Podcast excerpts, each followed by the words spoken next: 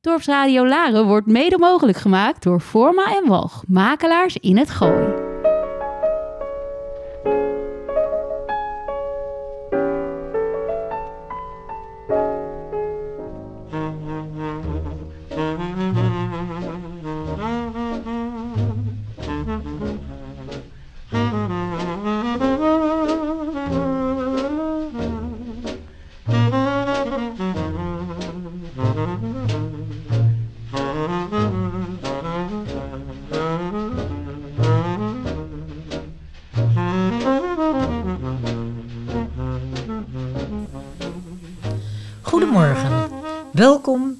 Praatvogels, aflevering 20.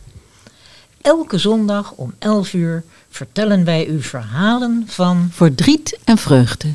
Leven en dood, haat en liefde. goed en kwaad, Zin en onzin.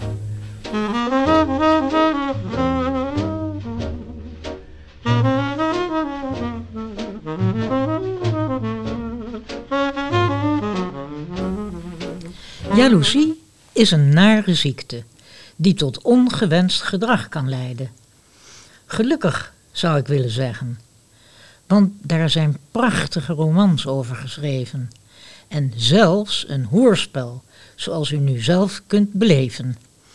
Annette Schaap vertelt op boeiende wijze over een goedgelovige moeder, twee zusjes en een akelige zielenherder. herder. Motief van haar sprookje.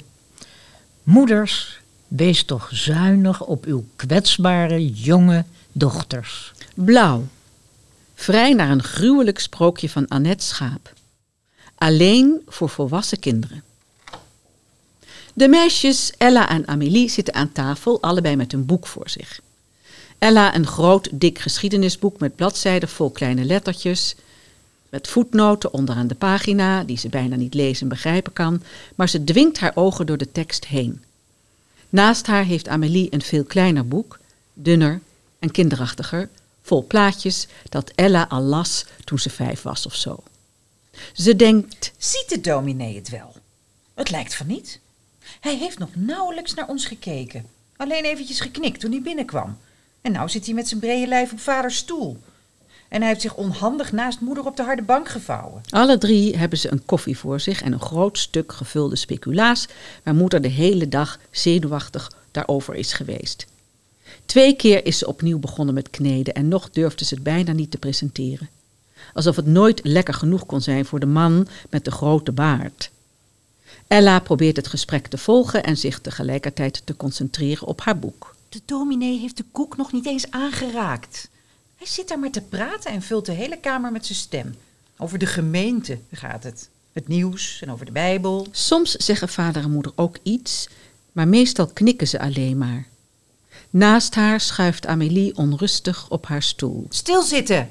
Lezen! Van je eigen zus hoor je natuurlijk te houden, maar Ella doet dat maar heel soms. De rest van de tijd probeert ze zo ver mogelijk van haar vandaan te blijven. Voor Amélie maakt dat vast weinig uit. Want iedereen houdt altijd al zoveel van haar. Zomaar. Vanzelf. Dat is altijd al zo geweest. Vanaf dat ze baby was. En in haar wiegje lag te stralen met al die wangetjes en die oogjes en die lipjes die altijd lachen. Ook als ze helemaal niks te lachen viel. Wat een schatje, zeiden ze dan. Wat een gelukskind. En toen moest ze er lange krullen nog krijgen. Zo blond als niemand in het hele dorp. Wat een prachtig kind. Ach, schoonheid is alleen maar buitenkant natuurlijk. En daar gaat het niet om in dit aardse tranendal. Voor ons zijn jullie allebei even lief. Ze hadden hen ook altijd precies gelijk behandeld en aangekleed in dezelfde kleren. Niet frivol, niks bijzonders. Amélie kreeg meestal gewoon Ella's afdragertjes. Maar ze stonden haar niet hetzelfde. Oh, hemel, nee.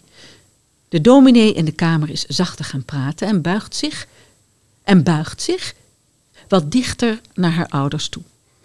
Er eh, gaan eh, geruchten, dat geef ik onmiddellijk toe, in een dorp wordt geroddeld. Maar ik neem toch aan dat u niet gevoelig bent voor dat soort eh, verzinsels, hè?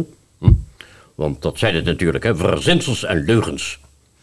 Het spreekt vanzelf dat wij zoiets nooit zouden geloven en ook nooit geloofd hebben. Mensen die zulke verhalen verspreiden, horen in de hel thuis. Al mogen wij dat nooit wensen natuurlijk. Eh, wilt u misschien nog een kopje koffie? Eh, ja, gaarne, ja. En ook nog wel een stuk speculaas. En eh, de kwestie waar ik eigenlijk voor kom is de volgende. Sinds het vorige meisje bij mij weg is, zoek ik een nieuwe hulp in de huishouding. Een meisje voor dag en nacht. Eindelijk. Ik wist al lang waarom die hier is. Ik mag dat natuurlijk niet denken van mezelf. Maar ik weet dat ik er geknipt voor zou zijn. Ik ben ijverig, vlijtig, slim en bescheiden. En nog beter als het moet. Ik wil dit zo graag. Als ik mag, zal ik nooit meer iets verkeerd doen. Geen enkele zonde meer begaan, geen verkeerde gedachten meer hebben. Tegen iedereen goed en lief en geduldig zijn. Zelfs tegen Amélie, wat het moeilijkste op de hele wereld is. Maar dat zou dan ook makkelijker zijn, want dan hoeven we elkaar door de week natuurlijk niet meer te zien. Als het mag en hij mij kiest, dan zal ik daar ook wonen. Ze kent het huis.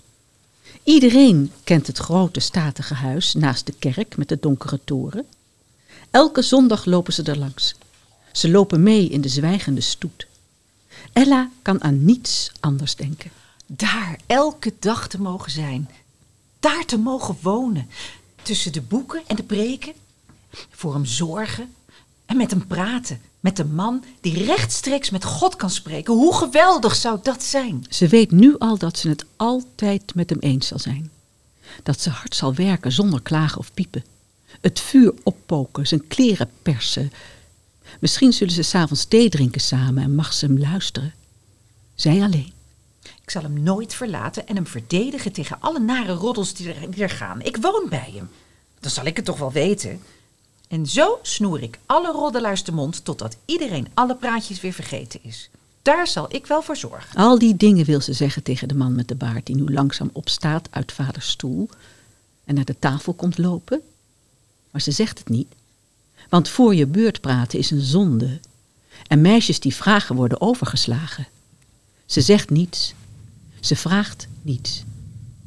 Als hij achter hen komt staan, buigt ze zich dieper over haar moeilijke boek, waar de zinnen en de jaargetallen niets meer betekenen. Maar misschien ziet hij nu wel wat ze aan het lezen is en, en is hij onder de indruk van haar slimheid. Misschien zegt hij er iets van, misschien. De dominee schraapt zijn keel en Ella knijpt haar ogen dicht. Ehm, meisjes, zou een van jullie... Als ehm, vader en moeder mij nou maar laten gaan en niet beginnen te zeuren dat ze me niet kunnen missen of zo. Ze moeten het juist een eer vinden dat een van hun dochters. Ella doet haar ogen langzaam open en kijkt opzij. Naast zich ziet ze dat de dominee zijn hand, zijn grote hand met de donkere haren erop, op de schouder van Amélie heeft gelegd. Zou jij daar misschien iets voor voelen, hm, meisje?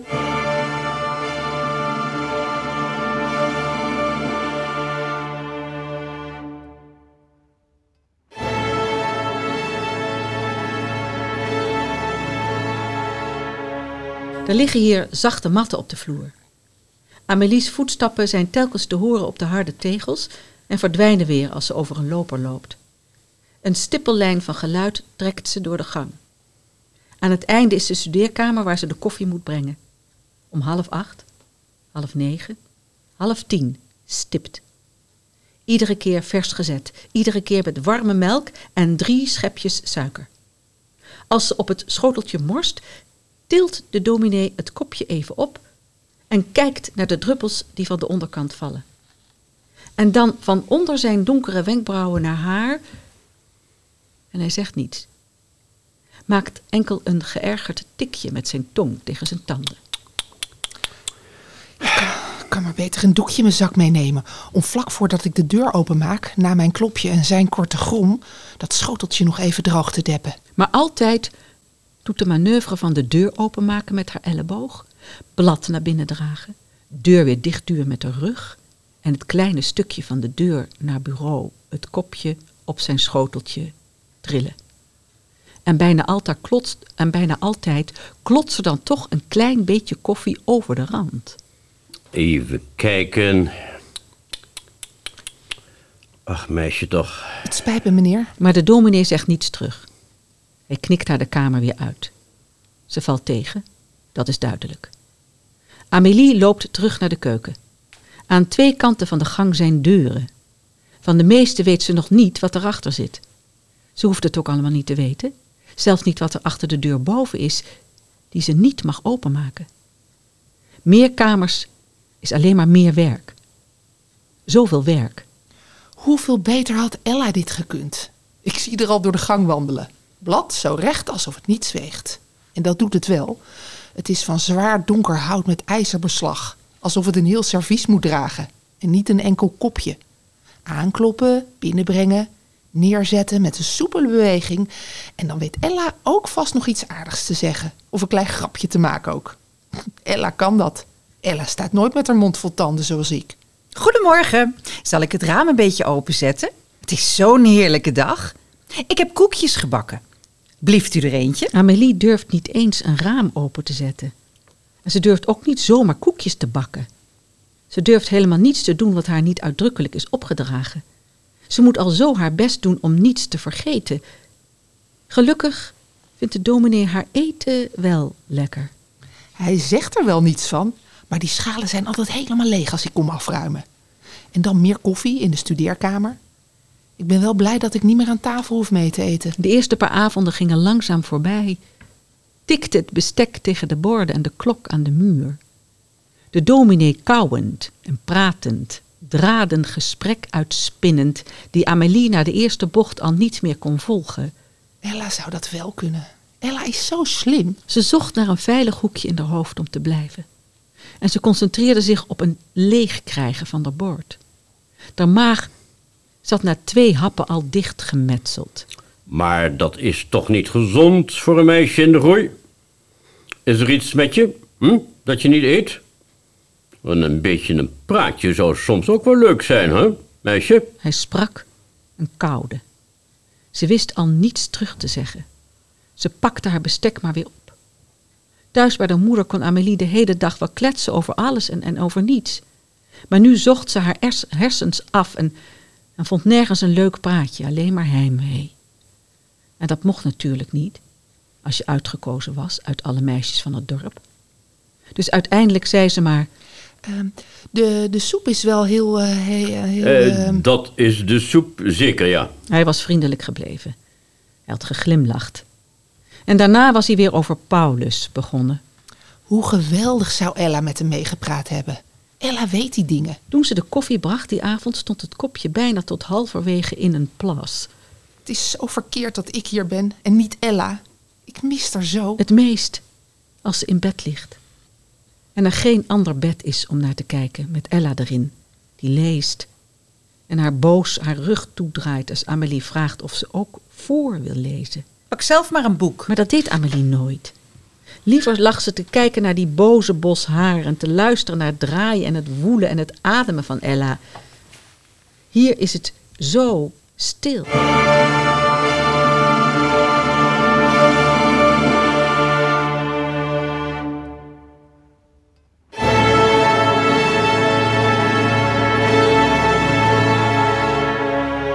Het is wel fijn stil nu zonder dat domme gebabbel van Amélie.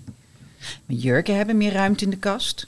Alle laden zijn nu ook van mij. En ik hoef nooit meer iets gauw weg te moffelen als Amélie opeens binnenkomt. Het rijtje poppen op de plank boven het raam is het enige wat ze hier heeft gelaten. Die waren te kinderachtig om mee te nemen. Ze kijken Ella aan, allemaal dom en leeghoofdig zoals Amélie, die nu daar is. Wat zou ze doen? Koken voor hem? Praten aan tafel met hem? Alles heeft ze, alles mag ze. Zijn schoenen poetsen, zijn jas afborstelen. De hele dag weten waar die is. Hem horen lopen, ergens zijn waar hij zomaar kan binnenkomen.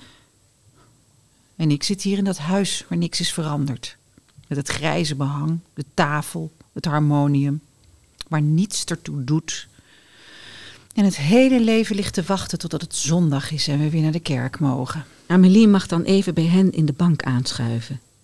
Pakt altijd meteen haar hand en knijpt erin. En wil dan van alles fluisteren, maar dat hoort natuurlijk niet. Niet tijdens de dienst. Dus trekt ze haar hand weg en kijkt alleen naar de preekstoel. En de man die daar staat met zijn donkere baard en zijn donkere toga, die haar zus 's ochtends heeft afgeschuierd. En dan knijpt Ella haar nagels in haar handpalmen en telt alles af. Het zingen, het bidden, het zegenen tot de kerkdienst weer voorbij is. En ze Amélie weer met hem ziet weglopen. Het plein af naar de donkere pastorie. Een klein, wit figuurtje naast de zwarte toga, dat nog even omkijkt en een beetje zwaait. Dan gaan de twee het hek door. En is er een lange, saaie nieuwe week begonnen. Het was pas woensdag als de telefoon rinkelt. De telefoon gaat nooit. Hij hangt altijd zwart te zwijgen aan het einde van de gang. Vader belt zelden iemand, moeder nooit. Wie zouden ze te bellen hebben? Iedereen die ze kennen, die woont vlakbij. En eigenlijk weet ik nauwelijks hoe die klinkt. Het lijkt wel een brandweerauto. Maar als het rinkelen niet stopt, loopt Ella naar de gang om te kijken. Hier is het geluid bijna ondraaglijk luid. Ze neemt de zware hoorn van de haak. Het gerinkel stopt onmiddellijk. Ze houdt hem bij de oor. Ella, kom je alsjeblieft. Ik zet de deur van de pastorie op een kier. Even later. Maar vindt de dominee het wel goed dat ik hier ben? Heb je het wel gevraagd? Dat durfde ik niet. Nou, dan ga ik weer hoor. Ik kan hier toch niet zonder zijn toestemming zijn? Wat moet hij wel niet van me denken? Maar in plaats van de deur uit te lopen, gaat Ella een paar passen verder de gang in. De tegels zijn zwart en wit. De kleden verschoten rood. De deuren hebben grote houten lijsten en achter die deuren Maar hij blijft tot vijf uur weg en ik moet alle vloeren doen. Alle vloeren, Ella. En als ik het nou niet afkrijg? Oh jee, heb je me daarom gevraagd? Ik dacht dat je me miste. Ook, ook. Je weet niet half hoe erg, Ella. Ja, zo is het wel weer mooi. Huilen balk. Amélie wil haar zus om de nek vallen, maar die loopt verder de gang in. Ze neemt alles in zich op. Hoe haar voetstappen hier galmen. Hoe het ruikt naar gekookte melk, naar papier, naar sigaar. Het liefst zou ze overal haar hand even langs strijken. De muren, de kapstok met de zware zwarte mannenjas eraan, het hout van de deuren, zoveel deuren. Boven is nog zo'n gang. Nog meer kamers met allemaal vloeren. En een zolder. Maar die hoeft niet, geloof ik. Wil je me alsjeblieft helpen, Ella? Maar Ella geeft nog geen antwoord. Ze loopt eerst nog even wat verder. Halverwege de gang is een brede houten trap naar boven. En aan het einde een smallere, steilere trap. Ben je overal al geweest? Ik mag niet overal komen, maar ik heb wel deze grote sleutelbos. De sleutels steken naar alle kanten. Kleine, grote, roestige, glimmende. En als je het nou niet afkrijgt vanmiddag, wat dan? Ik, weet het niet, misschien. Stuurt hij je dan weg? Ik, ik, ik weet het niet. Ella ziet haar zusje in de lange gang staan. Haar krullen pieken uit haar vlecht. Haar veel te grote schort zakt af. Ze denkt, Die zou mij beter passen, want ik ben bijna een kop groter. Langer dan alle jongens op school. Snijboon, zeggen ze altijd. Of nog erger. Handen te grof, voeten te groot. Maar werken kan ik wel. Ik zou de hulp van mijn zusje niet in hoeven te roepen als ik hier eenmaal. Nou, laten we dan maar beginnen. Waar staan de emmers? het is zo fijn dat Ella er is. Samen dragen ze de emmers. Samen hebben ze wel genoeg handen om de vuile dweilen uit te spoelen bij de pomp in de keuken. Als Ella zwengelt en zij wringt. En als ze naast elkaar op hun knieën de tegels boenen, lijkt het wel alsof ze weer thuis zijn. Of alles zomaar weer goed is en ze hier niet meer hoeft te wonen. Ze... Zo gewoon is het. Om Ella een vals wijsje te horen brommen, zoals ze altijd doet als ze werkt. Om door haar aan de kant te worden geduwd. Laat mij nou maar, dat gaat sneller. Amélie merkt dat er telkens een traan uit de ooghoek rolt, omdat het zo fijn is en zo bekend. Mocht Ella maar blijven, hoefde ze straks maar niet weg. Mochten we maar samen hier wonen. Nee, maar dat kan natuurlijk niet. Dat heb ik toch een domme gedachte. Die tranen zijn het ook. Ze veegt ze weg. Ze strijkt de haren voor haar gezicht, zodat haar zusje ze niet ziet.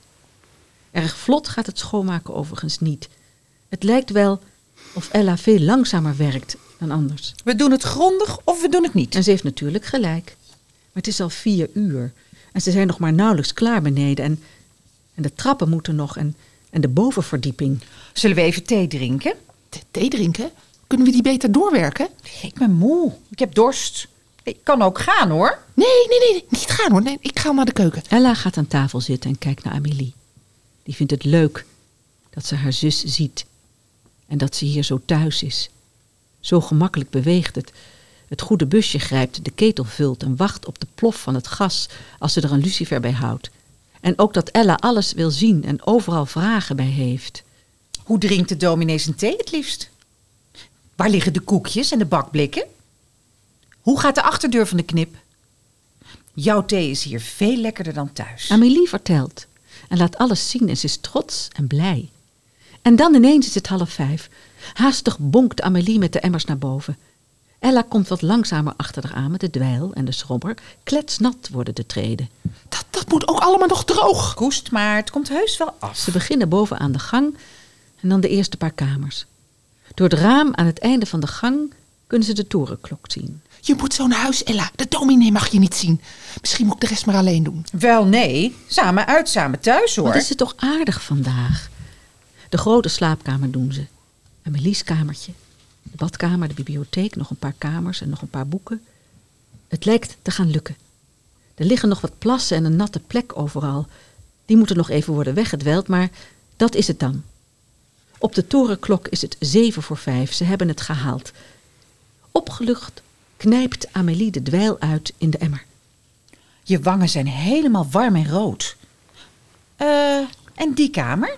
Die deur zit nog dicht. De deur is wat kleiner dan de andere en het slot erop is glimmend nieuw. Nee, daar mag ik niet komen. Waarom eigenlijk niet? Weet ik niet. Maar je hebt wel de sleutel, laat hem eens zien. Het is het kleinste sleuteltje aan de bos. Maar hij heeft echt gezegd dat het niet mag hoor. Wel twee keer. Nou, dan kun je maar beter luisteren. Behalve natuurlijk. Amélie wilde de trap al aflopen, maar Behalve wat? ze stapt weer terug. Behalve wat? Behalve als hij het anders bedoelt. Anders? Hoe? Ga nou maar, Ella. Hij mag je hier niet zien. Ik weet niet wat hij zou zeggen als hij jou hier ziet. Dat hij juist bedoelt dat je wel in die kamer moet schoonmaken. Waarom zou hij dat... Dat het een beproeving is. Wat? Een beproeving. Ella kijkt haar zusje niet aan. Buiten op de klok tikt de tijd maar door. Zeven voor vijf, zes voor vijf. Als de dominee straks binnenkomt en hij vindt haar zus die nog niet klaar is, of nog beter, die een kamer binnengaat waar ze helemaal niet mag komen. Je weet toch wel wat dat is, dom kind? Heus wel. Zoals in de Bijbel. Dat God zegt dat Abraham zijn zoon moet offeren. Maar hij bedoelt juist eigenlijk van niet. Hij stelt hem op de proef. Oh ja, maar Wat heeft de dominee gezegd? nou, dat ik niet in die kamer mag. Nee, nee, wat heeft hij vanmiddag gezegd? Dat ik alle vloeren... Alle vloeren zijn alle vloeren. Denk je dat echt? Ella knikt en denkt, Dat is dan weer het goede van de oudste zijn. Hm. Ik kan Amélie laten doen wat ik wil. Met een klein beetje duwen om er ja te laten zeggen. Hm. Ik mag de rest van jouw toetje, Amélie. Nee, Ella, je hebt toch zelf... Alsjeblieft, ik heb zelfs... Nou, goed dan. Jij hebt die melkfles laten vallen, Amélie. Niet waar, Ella. Jij hebt hem... Jij was het. Ik zag het zelf. Jij was het. Jij was het. En na de derde keer gelooft Amélie het ook. En bekent schuld. En krijgt straf. En ik lekker niet. Ik zal maar opschieten. Ja maar, ja, maar hij komt zo al thuis en dan vindt hij me hier en dan... Ik klim wel naar de zolder en ik kijk uit het raam. En als hij eraan komt, roep ik. En dan heb je nog alle tijd om op te ruimen. Ella, Ella, ik denk echt niet dat hij dat bedoelde Ik hoor. denk echt van wel, Amélie. Maar je moet het natuurlijk helemaal zelf weten. ze loopt alvast een eindje in de richting van de zoldertrap en glimlacht als ze achter zich haar zus met de sleutelbos hoort rammelen. Roep je dan, de- de- de- de- als hij me aan ziet komen? Ik roep. Ik roep meteen. Zachtjes loopt Elle over de zolder naar het raam aan de voorkant. Er staat zoveel interessants hier: boeken, stoelen, stoffige kisten en kasten. Maar ze kijkt niet. Het komt wel. Gauw. Wanneer dit haar zolder is, haar huis, haar werk. Het raam aan de voorkant is grijs van het stof, maar met haar mouw veegt ze er een rondje in schoon en kijkt naar beneden. Het kleine voortuintje grenst aan het kerkhof met de oude, scheve stenen. Daarachter ligt het kerkplein te blikkeren in de late middagzon. Het is leeg, maar ieder moment kan er iemand aankomen lopen. En wanneer ik hem zie, ga ik niet roepen. Amélie wint altijd al van mij. Alles, altijd, bij alles. En niet eens omdat ze er best doet om te winnen, maar zomaar om hoe ze is. Lief en mooi en onschuldig en aardig. Zo aardig. Dat vindt altijd iedereen. En hoe ik ook mijn best doe, zo goed als Amélie, ben ik nooit. Meteen al omdat ik zo jaloers ben. En jaloersheid is ook een zonde natuurlijk. Maar nu wordt het anders. Zo dadelijk wordt Amélie ook eens betrapt. Als de dominee binnenkomt. Ach, ach, ach, Amelie, wat ben jij mij tegengevallen? Weet je dan niet eens hoe je een eenvoudige opdracht uit moet voeren? Hm? Niet in deze kamer komen, had ik toch gezegd? Want daar bewaar ik mijn... eh, Ella weet niet precies wat dat dan is. Kijk, dat moet ze dan nog verzinnen. Mijn eh, te, te moeilijke boeken. Eh, Zaken die een hooggeleerde predikant natuurlijk wel moet weten, maar die absoluut niet geschikt zijn voor meisjesogen. Hm? Daarvoor wil ik je juist beschermen, Amelie. En zo betaal jij mij terug? De dominee zal begrijpen dat hij verkeerd gekozen heeft. Hij zal Amélie wegsturen naar huis en dan zal ik haar plaats mogen innemen. Eindelijk. Beneden hoort ze Amélie een bang geluidje maken. Waarschijnlijk is de kamer heel groot of heel vuil en haalt ze het nooit, nooit, nooit. Buiten klinken voetstappen die langzaam over het kerkplein komen. Rustig en rechtdoor, zoals alleen een man kan lopen. Als die kamer nou maar niet te groot is of te vies. Dat ik hem maar op tijd schoon krijg en dat ik dan die, die deur weer op tijd op slot kan draaien. Nou, dan kan er niks gebeuren, toch? Als hij er nou niet aankomt en een beetje verlaat is, dan kan, dat gebeurt soms. Eh, heeft de klok al geluid? Ella, zie je al iets komen? Nee hoor, niemand. Tijd zat. Amélie steekt het sleuteltje in het slot. Het draait heel gemakkelijk om. Ze pakt de zware emmer van de grond en duwt de deur open. Dat krijg ik hier nooit schoon.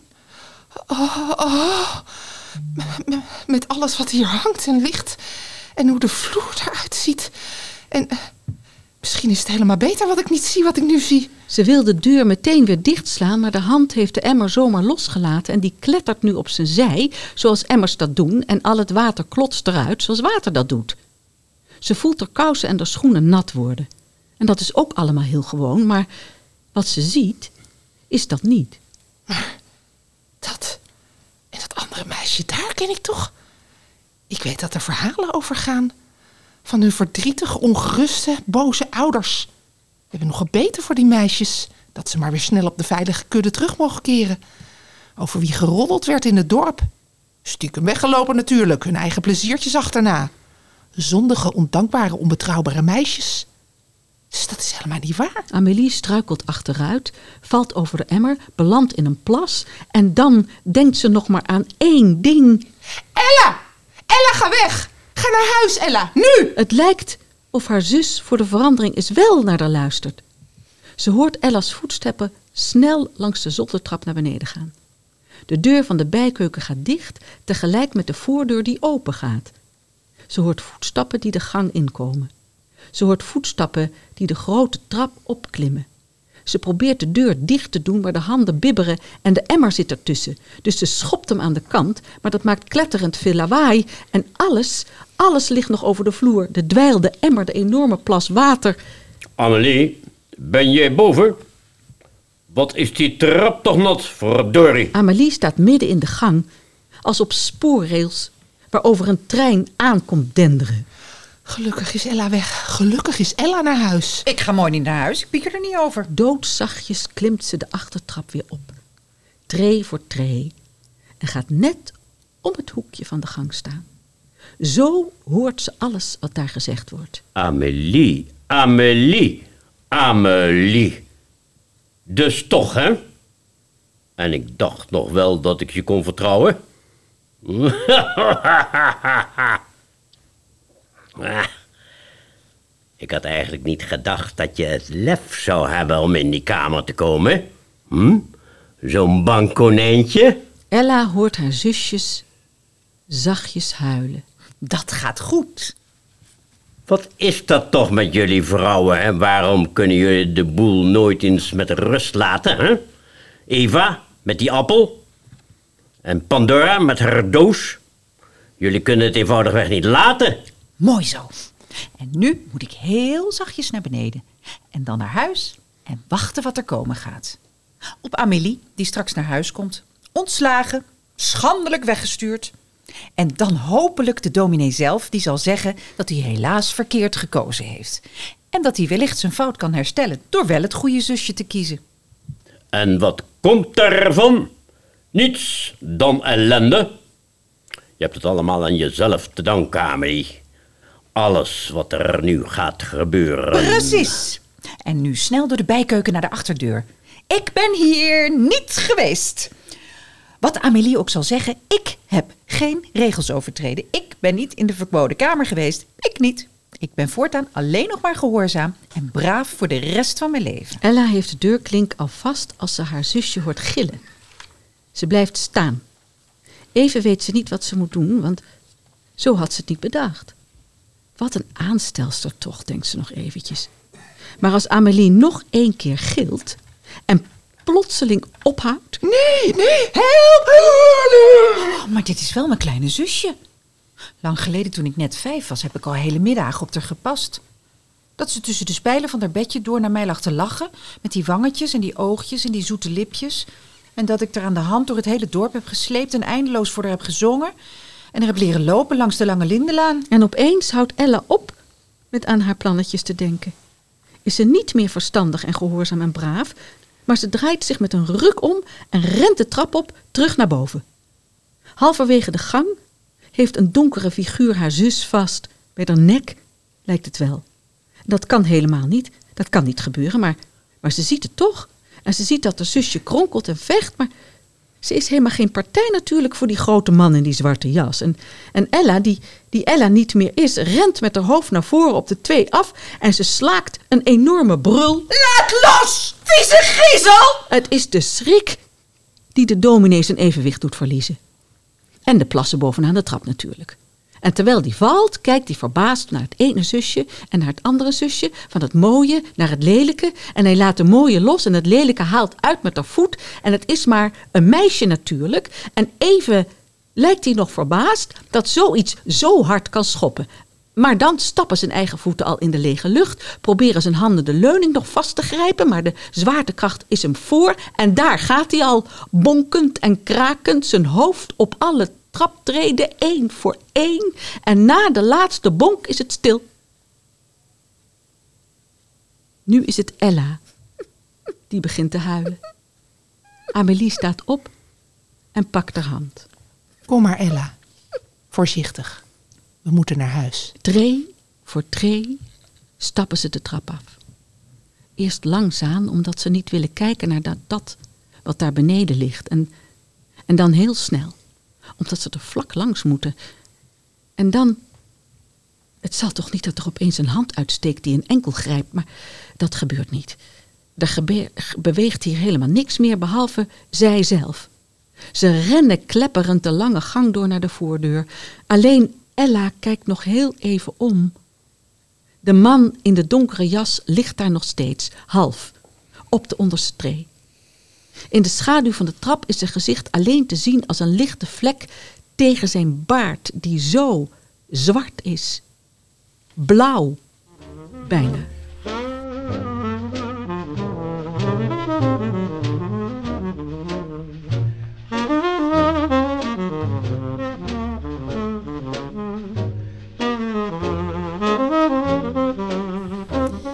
Dit was aflevering 20. Vandaag hoorde u de praatvogels Corine van de Walbaken, Carola Lagrouw, Chantal Bonen, Hansje Terlingen en Michiel van Zeggelen. Tot volgende week zondag om 11 uur. U kunt de praatvogels ook afluisteren op elk ander moment via Spotify, de praatvogels. Of via de dorpsradio, Laren Podcast. Thank you.